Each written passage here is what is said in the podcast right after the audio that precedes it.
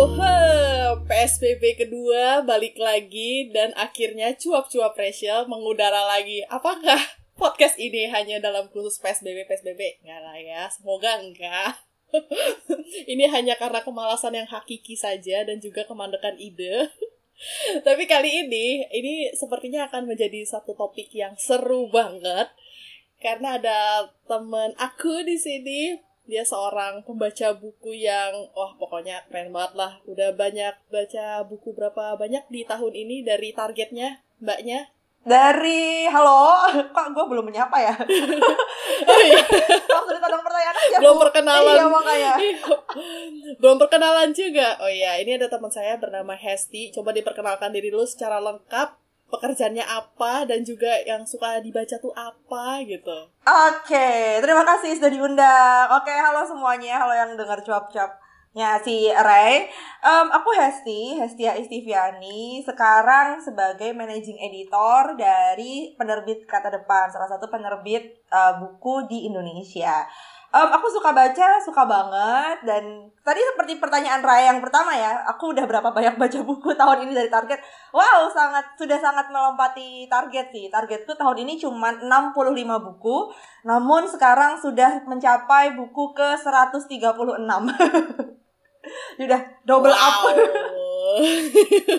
udah double udah lebih Iya, dari bener. dari 50% gitu Betul sekali.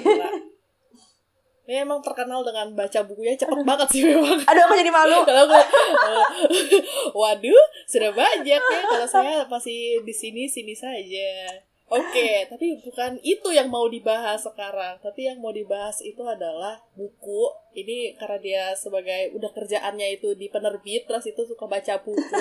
Nah, ini tuh buku sebagai penawar patah hati Oh. dan juga perekat dengan jodoh potensial. Amin, amin, amin. Ya amin. Ini kan jarang sekali dibahas gitu kan. Apa sih hubungan antara buku dengan em, apa namanya pengobat eh, perasaan-perasaan yang kurang menyenangkan ya saudara-saudara. nah itu oke Hes sejak kapan sih emang suka baca gitu Aku suka baca buku dari kecil karena kebetulan keluarga eh, suportif dalam artian lingkungan emang membentuk aku. Mama sama ayah aku adalah seorang pembaca buku. Jadi kalau misal eh, apa namanya aku pulang ngaji, aku kan ngaji itu dari asar jam 3 sore berarti ya sampai maghrib sekitar pukul 6. Terus pulang ke rumah. Nah, biasanya kalau misalkan yang seumur-seumur aku yang kelahiran tahun 90-an, eh, jam-jam abis maghrib itu kan isinya sinetron ya di Indosiar gitu kak. Kalau masih ingat. Jadi kayak ya tentu. Jadi biasanya eh, kalau emang lagi nggak ada PR, nggak ada ulangan gitu, emang kalau kata mama sama ayah sih, ya ngapain kamu buka apa televisi? gitu, ngapain nonton TV, tapi mending kamu baca buku. Nah, mereka ini nggak cuman menghimbau, nggak cuman ngasih tahu, tapi juga memberi contoh. Jadi ya ketika jam-jam maghrib gitu, TV dimatiin, mereka ada yang kalau kadang sih ayahku karena berangkat kerja ya pagi ya, jadi nggak sempat baca koran hari itu, jadi baca koran mamaku baca tabloid, baca majalah kayak gitu. Jadi kayak aku aku sudah sudah terbiasa dari kecil gitu. Jadi kurang lebih untuk usianya sendiri mungkin uh, aku tuh ikut ngaji. Oh dari TK berarti aku dari TK udah terbiasa melihat orang tua aku membaca. Terus aku inget banget kelas 5 SD pertama kali dikasih sama mamaku uh, novel, novelnya Agatha Christie. Jadi sebelumnya tuh aku suka baca komik. Komik kan gambar-gambar kan eh, sebagian besar gambar baru teks. Nah kalau eh, apa namanya novel itu kan bener-bener 100% teks kan nggak ada nggak ada gambar sama sekali nah itu kelas 5 SD dari situlah akhirnya jadi suka banget baca sampai sekarang oke berarti itu kebiasaan dari kecil lah ya betul betul agak nggak kecil-kecil bacanya Agatha Christie ya, waktu kecil baca aja. Kalau gue ya bacanya ini apa sih namanya lima sekawan. Oh iya itu juga. Itu membentuk deh jadinya Ah, sekarang ah, suka ah. jalan-jalan gara-gara lima sekawan. Nah bagus itu bagus. Lima sekawan Sabta Siaga pasti tahu es limun. Ah kita tuh karena nggak ada iya, budaya di es sini ya. Iya kan? Karena ini bukan Iya, budaya Indo gitu kayak wondering es limun tuh kayak gimana sih? Iya gak sih? iya iya iya iya mikirnya dah apa sih es limun kayaknya Iya, ini deh es apa yang lemon lemon kayak gitu Ah. diperes gitu kan karena nggak ngerti kan apaan sih taunya es teh manis kalau di sini kan Iya. Nah, terus kalau misalnya itu kan di udah dianjurkan terus itu terbentuk budaya membaca di keluarga. Emang apa aja sih yang didapat dari membaca? Apakah waktu kecil itu gitu? baca itu jadi sesuatu yang entertaining se-entertaining kita nonton Doraemon gitu Oke, kalau kayak gitu, pertama pasti aku, uh, aku sih ngerasa pertama semacam agak paksaan ya, karena pada masa-masa seperti itu uh, teman-teman sekolahku, teman-teman SD ku tuh pasti akan mungkin Rai masih familiar kita ngebahas soal film tersanjung, sinetron tersanjung, sinetron tersayang ya nggak? Punya merchnya ya kan? Ada yang punya. Iya, iya, Gua, iya. aku tuh kayak inget banget gitu teman-teman SD ku punya topi-topinya sumpah ya. Sedangkan kayak kita aku aku jadi kayak zone out gitu loh. Ini ngomongin apa? Gue kagak ngerti gitu ya nggak? Jadi kayak ada dorongan. Aku tuh pingin juga pingin kayak bisa apa eh, gabung dengan obrolan teman-teman soal sinetron. Padahal sinetron bukan buat anak-anak gitu. Ya jadinya kayak pertama pasti akan ngerasa seperti paksaan. Terus akhirnya jadinya eh, aku enjoy sih. Karena kayak itu aku kebetulan ketemu sama Agatha Christie bener-bener mamaku kebetulan banget bener-bener bisa ngasih yang pas rekomendasinya. Dari situ kayak aku akhirnya nanya lagi mah buku ada Agatha Christie yang seru apa lagi? Nah kayak gitu. Dan aku eh, jadi tahu jadi kenal namanya Sherlock Holmes terus jadi ngejar beberapa macam novel thriller detektif itu gara-gara gara-gara mamaku. Dan akhirnya sekarang eh, waktu itu jatuhnya seperti escapism. Jadi kayak gak eh, apa namanya gue nggak mau ngerjain PR gue nggak mau belajar maunya baca buku fiksi aja. Yang mana itu pasti dimarahin mama sih kayak kamu baca buku emang udah kelar itu PR PR emang besok gak ada nggak ada ulangan kayak gitu. Jadi eh, dari dari dulu sampai sekarang syukurnya adalah aku selalu menganggap bahwa membaca itu sesuatu yang rekreasional gitu. Hmm, Oke, berarti walaupun misalnya banyak orang tua menganjurkan anaknya, ayo ba- eh, baca buku, baca buku, baca buku, Mm-mm. ternyata baca buku pun juga bisa jadi kayak melenceng seperti anak-anak main game ya. Iya, mau betul. ngerjain PR, pokoknya baca buku. itu aku banget Nah, itu eh, apa namanya sesuatu yang entertaining kayak gitu. Nah, pernah gak sih juga ngerasain kalau misalnya buku itu sebagai coping mechanism gitu? Itu eh, dan gimana sih ngerasain kalau misalnya buku sebagai coping mechanism? Apakah dari genre bukunya, apakah dari proses membacanya, memilih tempat untuk membaca atau gimana tuh? Ah, kalau ngomongin soal coping mechanism itu sangat sih. Karena aku kayak baru ketika usia kuliah eh, skripsian ya. Siapa sih yang skripsian gak stres itu? ya kan?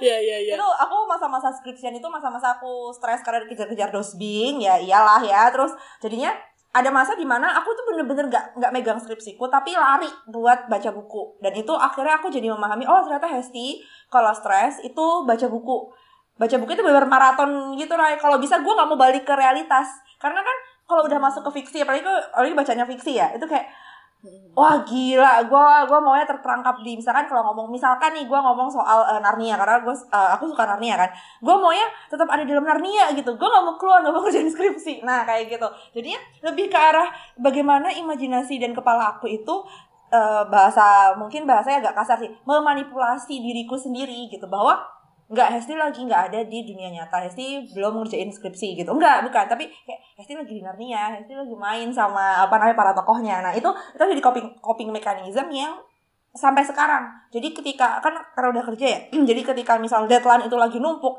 kamu tuh sadar banget Ryan kan deadline tinggal tiga hari lagi nih tapi progres nggak nyampe 20% nih. Kan harusnya kalau yang benar ya kita ngebut ya kerjanya. Ternyata ini enggak gitu. Aku malah menerjunkan diriku malah untuk bacanya makin banyak makin ngebut. Mungkin kalau misalkan buat teman-teman yang udah pernah follow aku di Instagram ada kali yang dia ngamatin satu hari instastoryku ada tiga ngulas buku. Ya karena aku baca sehari itu tiga buku saking nggak mau balik ke realitas. Itu tuh jadi kayak mungkin kalau di aku coping coping mekanismenya adalah bener-bener bukan prosesnya tapi imajinasi yang dibawa di kepala ini loh. Hmm, berarti karena banyak, berarti lebih ke arah coping mechanism itu dari buku-buku fiksi ya. Hmm, betul. Kayak sudah terhisap kepada Yes. kepada cerita-ceritanya gitu. betul yang betul. Tapi kalau misalnya itu kan eh, jatuhnya kan lebih ke arah eh, sesuatu yang rekreasi eh, apa namanya ya? Ya refreshing lah gitu kan untuk diri sendiri juga. Karena kan kita terjebak di dalam ceritanya, terjebak. terjebak saya terhi terhisap di dalam ceritanya sendiri gitu. Tapi Mm-mm. apakah itu juga jadi kayak em, apa ya? Eh, menguraikan apa yang dirasakan gitu. Misalnya aduh stres banget nih sebenarnya eh, karena bingung juga stresnya tuh kenapa ya? Apakah karena kalau misalnya waktu skripsi gitu? Karena datanya belum kekumpul atau karena waktunya terlalu mepet kayak gitu. Apakah itu juga jadi buku itu juga jadi sesuatu yang uh, seperti itu atau cuman kayak ya lebih ke arah pelarian aja sih untuk sebentar nanti balik lagi kayak gitu. Nah, aku aku lebih prefer yang tadi pernyataannya Raya yang kedua sih. Jadi kalau aku itu kan kalau udah ketimpa deadline banyak itu kepala kayak penuh banget kan. Jadi kayak kamu butuh sesuatu yang bisa refresh but you don't have to uh, kamu nggak harus pindah-pindah gitu. Jadi ya udah kamu tetap misalnya kayak aku di meja kerjaku ya udah aku emang stres dengan apa yang ada di laptopku, tapi dengan aku baca buku aku nggak perlu keluar dari ruang kerjaku aku tinggal baca aja udah udah nyampe Narnia, udah nyampe apa namanya Middle Earth dan nyampe Hogwarts kayak gitu-gitu. Nah, jadi kalau buat aku ya apa ya namanya? Ya bener-bener pelarian sih kalau bisa dibilang. Hmm. mungkin mungkin kalau mungkin kalau teman-teman yang suka traveling kan ketika suntuk oke okay, langsung pesen tiket gitu kan langsung lari langsung pergi ke mana gitu uh, weekend ini. Aku lebih ke arah wah gue punya apa nih? Gue punya buku bacaan apa nih? Fantasi-fantasi yang seru gitu. Ya udah itu yang aku apa namanya yang aku explore gitu. Tapi ada juga kalanya ya Ray misalkan aku uh, kan aku di penerbit itu hubungannya misalkan kalau kita tarik lagi ke atas itu bisnis gitu. Tapi ada masanya aku tuh lagi pingin banget belajar soal filsafat. Kayak aduh gue suntuk nih mikirin strategic meeting buat besok. Apa ya gue harus presentasi apa ya ke bos-bos kayak gitu gitu kan. Ya udah larilah ke bacaan bacaan bacaan non fiksi tapi yang memang sesuai dengan kemauanku. Nah gitu. Oke oke oke terus kalau misalnya um, kerja di penerbit uh -huh. um, itu baca buku juga nggak sih? Diwajibkan untuk bukan baca buku tapi baca buku untuk ini ya untuk kerjaan gitu. Iya iya. Kalau itu sebenarnya disarankan bukan diwajibkan. Karena kan uh, apa ya di penerbit itu produk nggak cuma satu gitu ya. Apalagi hmm. uh, apa namanya kalau kalau aku sih lebih ke arah membaca itu untuk benar-benar memahami produknya gitu. Tapi membacanya kalau misal itu kebutuhannya misalnya uh, not bukan bukan general bukan convert general aku gitu. Aku akan skimming.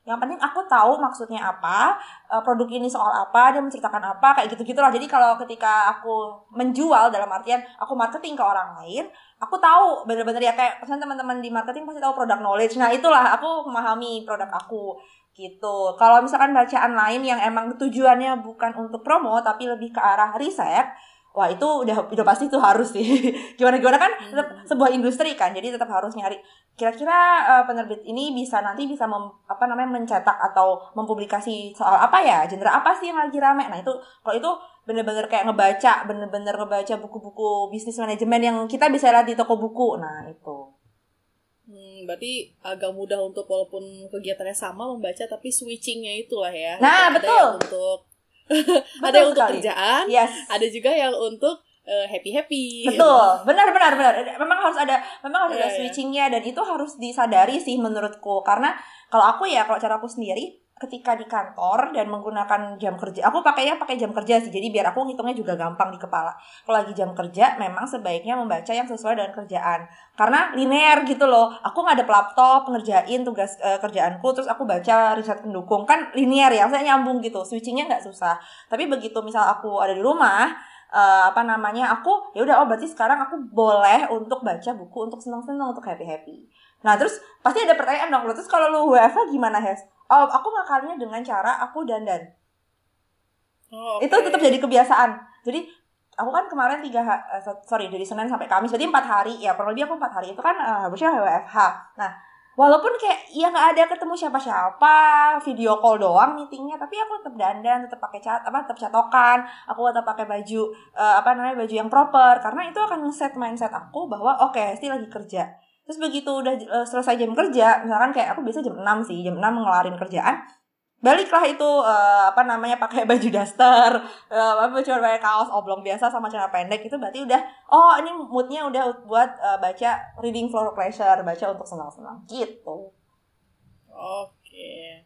Ini sebuah tips yang baik ya untuk switching switching. Betul. Nah, kan uh, mendirikan Silent Book Reading Club hmm. nggak lama waktu itu setelah putus aduh iya, ya kan ya. ups tapi ini sesuatu yang baik nih cuman kayak penasaran aja hmm. sih sebenarnya tujuannya tuh uh, apa sih untuk mendirikan si klub baca buku yang diem-diem ini. Oke. Okay. Apakah ini sebuah ide impulsif setelah patah hati atau sebenarnya itu adalah um, apa ya keinginan yang sudah lama gitu? Karena memang ada hubungan sama patah hati sih. Jadi itu kan uh, apa baca bareng atau silent book club yang aku bikin itu dia di Agustus. Aku putus Juni berarti ya ada jeda ada jeda sekitar dua bulan lah ya. Nah abis gitu um, apa namanya aku itu karena terbiasa dari kecil punya lingkungan yang emang suka baca buku. Jadi ketika aku baca mama sama ayahku nemenin baca gitu.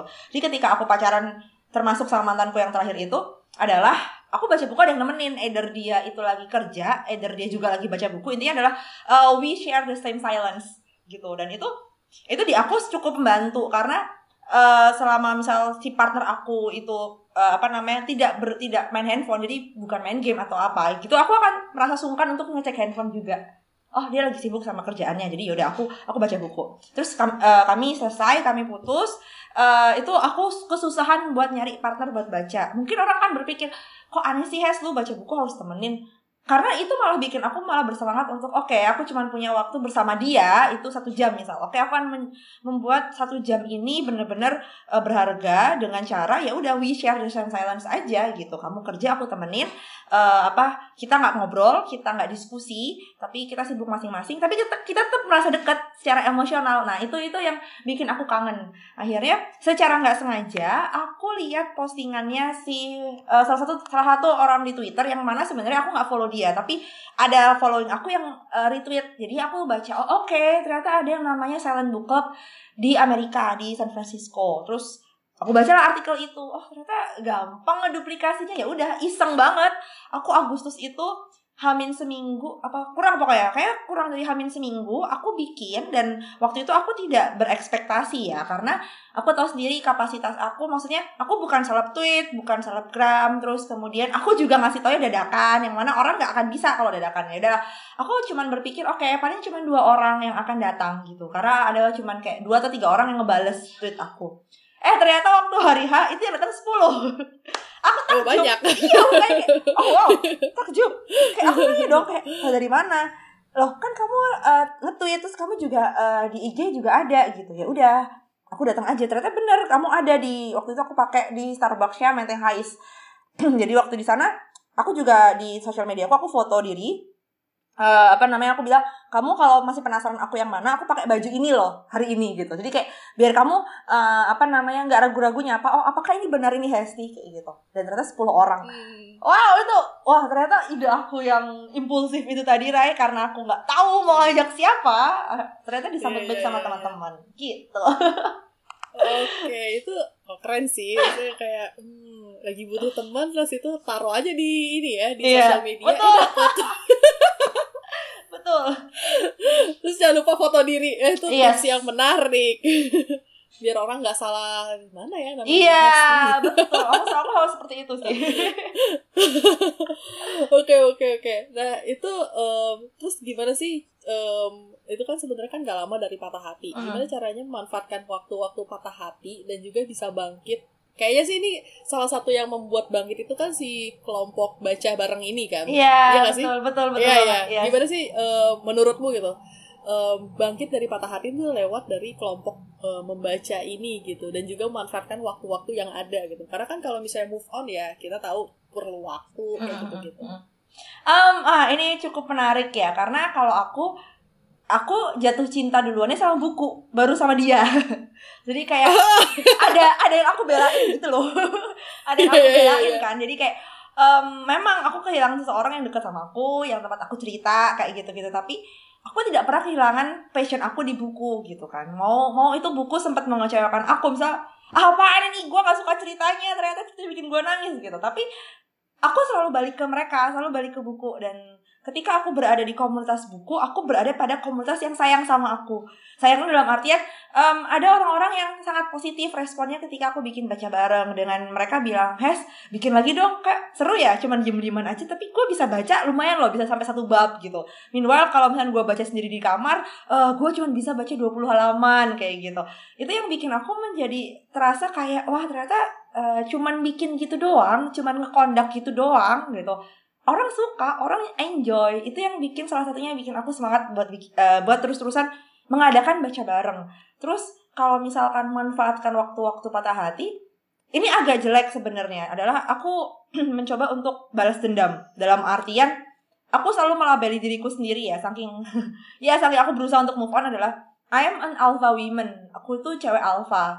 Um, aku harusnya apalagi aku udah belajar feminisme malah sebelum ketemu sama dia sebelum jadian sama mantanku yang terakhir aku udah tahu soal feminisme jadi seharusnya um, aku nggak perlu nggak boleh terlalu menggantungkan diriku ke dia gitu karena aku bertanggung jawab terhadap kebahagiaanku sendiri bukan bukan dia ada atau tidak ya dia itu cuman tambahan doang, cuman additional doang gitu. Tapi ketika dia pergi harusnya aku tetap bisa bahagia dong. Nah that's why manfaatkannya dengan cara aku balas dendam yaitu melakukan hal-hal yang aku tidak sempat lakukan ketika kami masih pacaran. Jadi karena kan waktu pacaran kan kamu harus mengkompromi mengkompromikan dua orang kan, kamu sendiri dan orang lain gitu. Kebutuhannya harus dikomunikasikan kan. Sedangkan ketika aku single, ketika aku udah putus, ya udah aku kompromi sama siapa? Sama diriku doang. Paling cuma energi dan waktu. Jadi aku jatuhnya adalah memaksimalkan diriku di komunitas-komunitas buku yang waktu aku masih pacaran itu aku nggak sempet main gitu. Kayak Jakarta Book Club itu akhirnya aku berhasil nyambangin setelah aku empat tahun di Jakarta gitu kan. Terus habis itu aku ikut jadi volunteer TEDx Jakarta karena beberapa tahun sebelumnya aku nggak bisa ikutan. Jadi oke okay, gue udah single um, gue nggak harus kompromi waktu sama orang lain jadi ya udah gue ikutan kayak gitu. Terus sampai aku ikut volunteernya Ubud Writers Festival di Bali itu juga salah satunya bentuk balas dendam karena wah ini nih eh, nggak uh, ada yang larang-larang gua nggak ada yang batasin-batasin gua gitu. Oke waktunya gua pergi gua terbang deh ke Bali gitu. Sendirian gitu kan. Nah, itu itu jadi itu jadi waktu di mana bentuk pembalasan dendam. Terus pergi ke toko buku toko buku yang aku tahu sendiri itu seleranya bukan selera kebanyakan. Ya tahu kan Ray? Aku suka ke Posanta ya kan? Ke Transit ke Aksara yang mana nggak semua orang itu nyaman dengan itu. Uh, dulu mantanku sempat aku bawa ke pos dan to be honest dia kurang nyaman karena ya maksudnya bukan mall bukan sebesar Gramedia gitu Panas sangat ya. Iya dan sangat sangat sangat nis kan. Maksudnya penulis penulis yang ada di dalam pos dan transit Santa itu bener-bener nis lah. Pokoknya kalau kamu mau menjajal yang lain selain di pasar maksudnya selain di Gramedia misal ya kamu main ke sana gitu. Kan nggak semua orang nyaman dan sedangkan kalau aku udah single aku single gitu ya peduli amat orang mau ngomong apa kan yang nikmatin aku gitu. Jadi ya akhirnya ke sana juga. Dan aku mem memaksimalkan kanal-kanal di sosial media aku adalah untuk berbagi apa yang selama ini aku tahu cuman aku nggak punya waktu waktu itu untuk bikin kontennya Ya kamu tau lah orang kalau udah jatuh cinta, kalau punya pacar sebisa mungkin buat pacarnya ya kan? Oh iya, of course. Iya kan kayak uh, iya, temenin, iya. temenin aku dong ke bengkel uh, apa servis mobil kayak gitu. Ya lo mau udah ada jadwal lo mau udah ada jadwal yang namanya lo bikin konten tetap aja kayak oh ya udah sejam lagi ya uh, siap gitu ya kan? Kayak iya. Iya iya iya iya. Ya udah kayak pengennya bareng aja terus. Nah, itu dia gitu. Terus akhirnya putus yeah. akhirnya aku full lah itu. Aku jadi bener-bener punya banyak waktu buat diriku sendiri. Aku memaksimalkan aku bikin konten ya kan? Kalau misalnya Raya sempat lihat uh, di Twitter aku di Twitter dan Facebook eh Facebook lagi Instagram aku berulang kali bikin bikin konten-konten soal buku. Dari situ aku -bener kayak mengaktualisasi diri aja. Wah menyenangkan ternyata. Dan ujung-ujungnya adalah ya aku dapat teman-teman baru, aku dapat kenalan baru kan dari situ ya bu ya. oh iya, of course. kayak kayak gitu lah ketika ketika yeah, aku yeah. membuka diri walaupun sebenarnya itu masih dalam proses move on, itu kan ketika aku bikin konten aku menyadari aku belum move on sepenuhnya gitu. Ya akhirnya ya bisa bisa agak se, se, bukan sembuh ya aku bisa get over him itu pelan pelan pelan pelan ya salah satunya dengan cara bikin konten buku itu hmm oke okay. karena jatuh cinta pertamanya tuh bukan ke orangnya ya yes. ya iya dong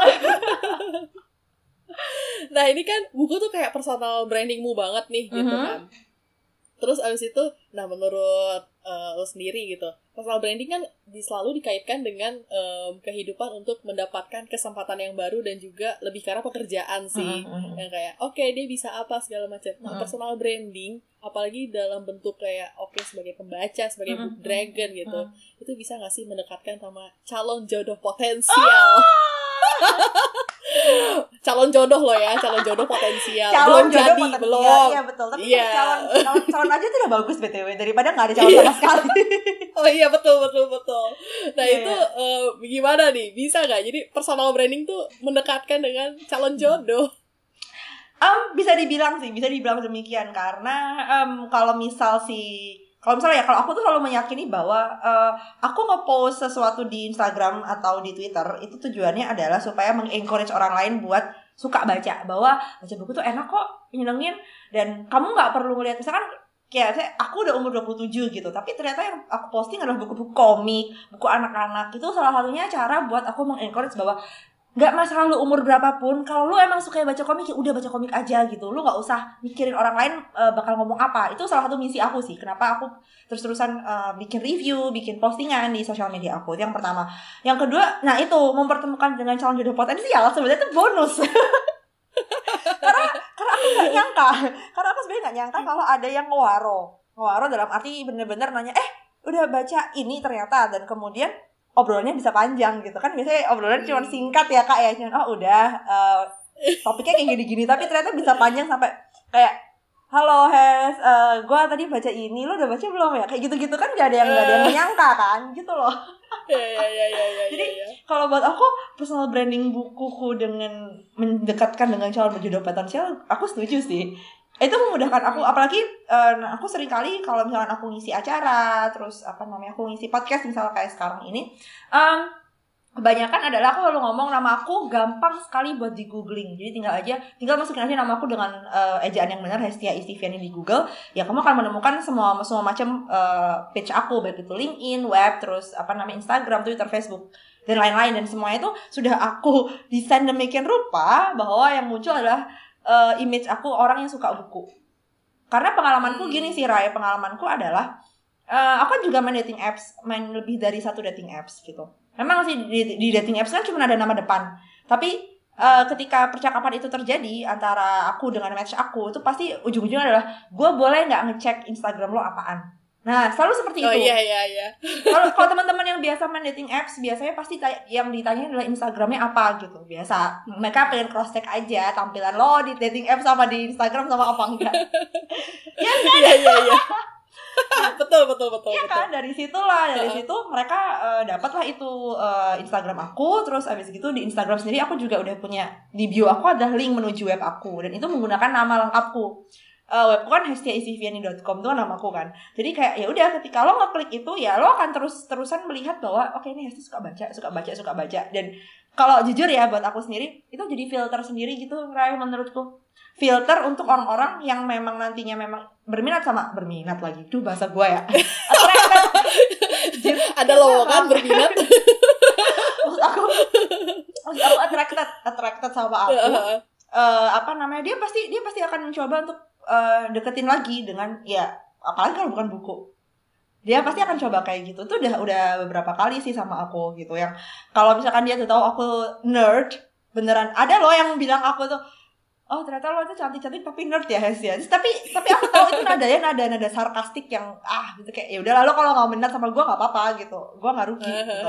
Ada yang seperti itu. Jadi kayak buat aku wah lumayan jadinya malah bikin aku mudah untuk menyeleksi ini. Kira-kira siapa yang mau apa ya siapa yang bisa diajak ngobrol buku? Karena tuh bianas nggak semua orang di dating apps itu kan uh, tujuannya untuk hal-hal yang sifatnya kayak staycation. Ya teman-teman tahu untuk hal-hal yang berhubungan hmm. menjurus-menjurus ke arah sana gitu kan. Kayak aku waktu itu beneran nyari teman buat diskusi gitu. Karena aku cukup kebingungan buat siapa ya cowok yang seru yang bisa gue ajak diskusi gitu. Yang nanti ujung-ujungnya ya, ya kalau misalnya jodoh ya alhamdulillah. Kalau jodoh ya nggak apa-apa jadi temen ya nggak?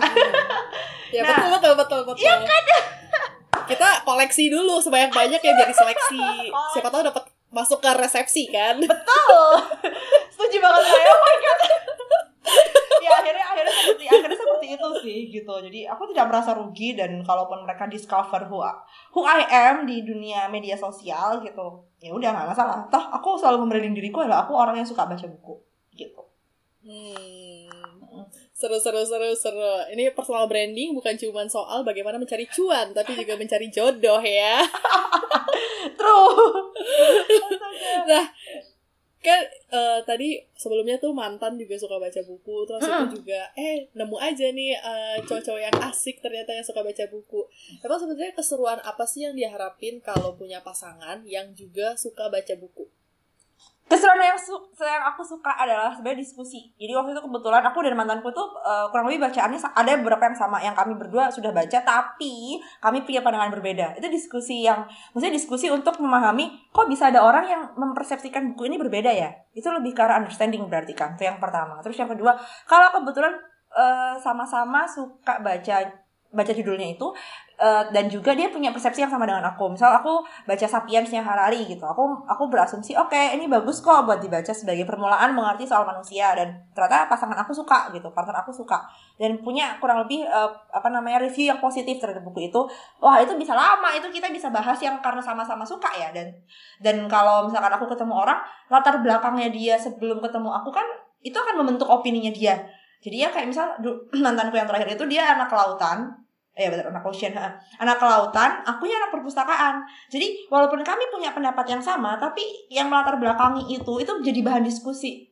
Um, dia sih kayak dia bilang ya oke okay, uh, eh, Harari oke okay nulisnya tapi kalau misalkan aku dulu pernah belajar soal antropologi bla bla bla itu kayak gini gini gitu. Sedangkan aku pakai pendekatan ilmu sosial enggak sih kalau di ilmu sosial tuh bisa jadi kayak gini. Jangan-jangan Harari tuh maunya kayak gini. Nah diskusi-diskusi seperti itu menyenangkan itu yang pertama. Terus yang kedua kalau suka-suka sama baca buku saling meracuni dong ibu. Apalagi meracuni dengan diskonan buku ya kan? Oke oke. Ya, kamu, ya, ya, ya, ya, kamu ya. jadi punya teman buat meracuni karena kayak misalnya aku aku sendiri kan suka buka-buka uh, kayak pariplus.com, remedia.com gitu ngecek ada diskon apa ya. So aku punya pacar gitu. Aku bilang say lihat deh ini ini lucu kamu nggak pengen beli buku ini? Cuma tiga puluh ribu loh kayak gitu gitu padahal kayak berminat ayo temenin gua berjajan ayo temenin gua jajan. Biar gua sendiri biar kayak aku sendiri gak pas berdosa gitu ngabisin duit buat buku. Yeah, yeah, yeah, yeah, gitu. Terus um, yang paling sering ya jadi teman kalau misalnya aku lagi baca buku dan kalau orang yang baca buku itu kan biasanya memang punya wawasan. Itu yang itu mindset kan. Dia kalau misalnya aku lagi baca buku tengah-tengah dan aku butuh teman ngobrol ya dia adalah orang yang paling deket yang bisa aku tanyain.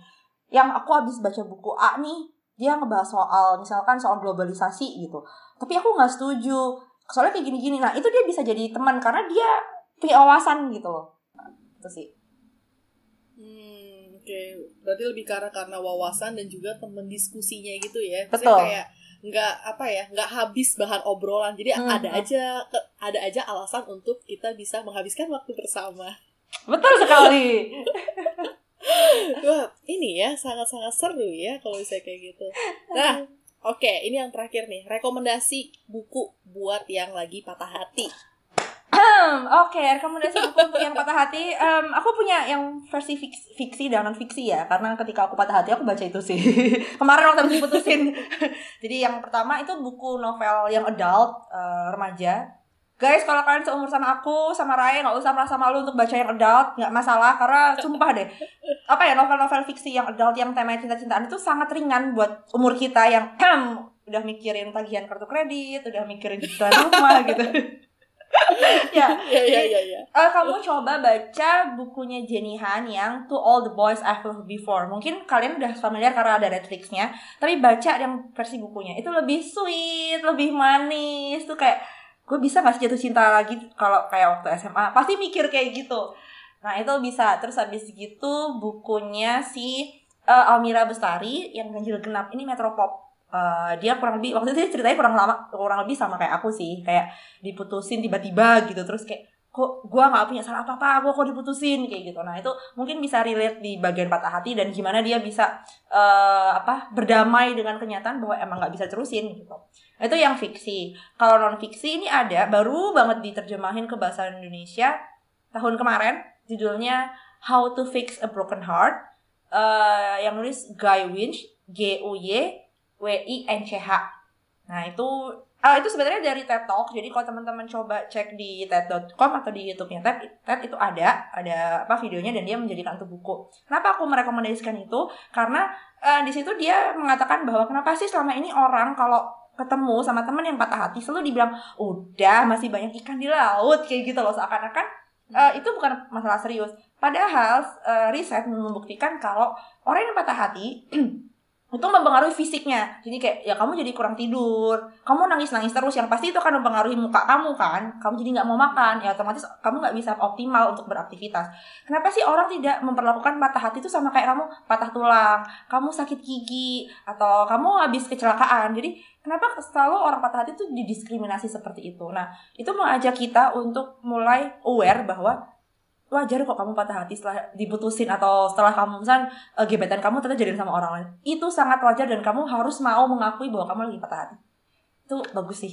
Itu Wow, seru banget. Ini uh, tiga buku yes. untuk kalian-kalian yang lagi patah hati atau uh, mendampingi, mendampingi maksudnya kayak lagi berhadapan sama teman-teman yang patah hati. Hmm. Ini ada buku seru, kayaknya yes. bisa dibaca. Betul. Thank you banget Hesti untuk obrolannya. Ini seru Sama-sama. banget kita ngobrolin baca buku dan juga nggak um, cuma soal personal development, tapi um, bagaimana mendekatkan dengan uh, yang lucu-lucu gitu kan. Allah amin. Gitu. Oke deh uh, buat pendengar uh, sampai bertemu lagi di episode berikutnya. Bye bye bye.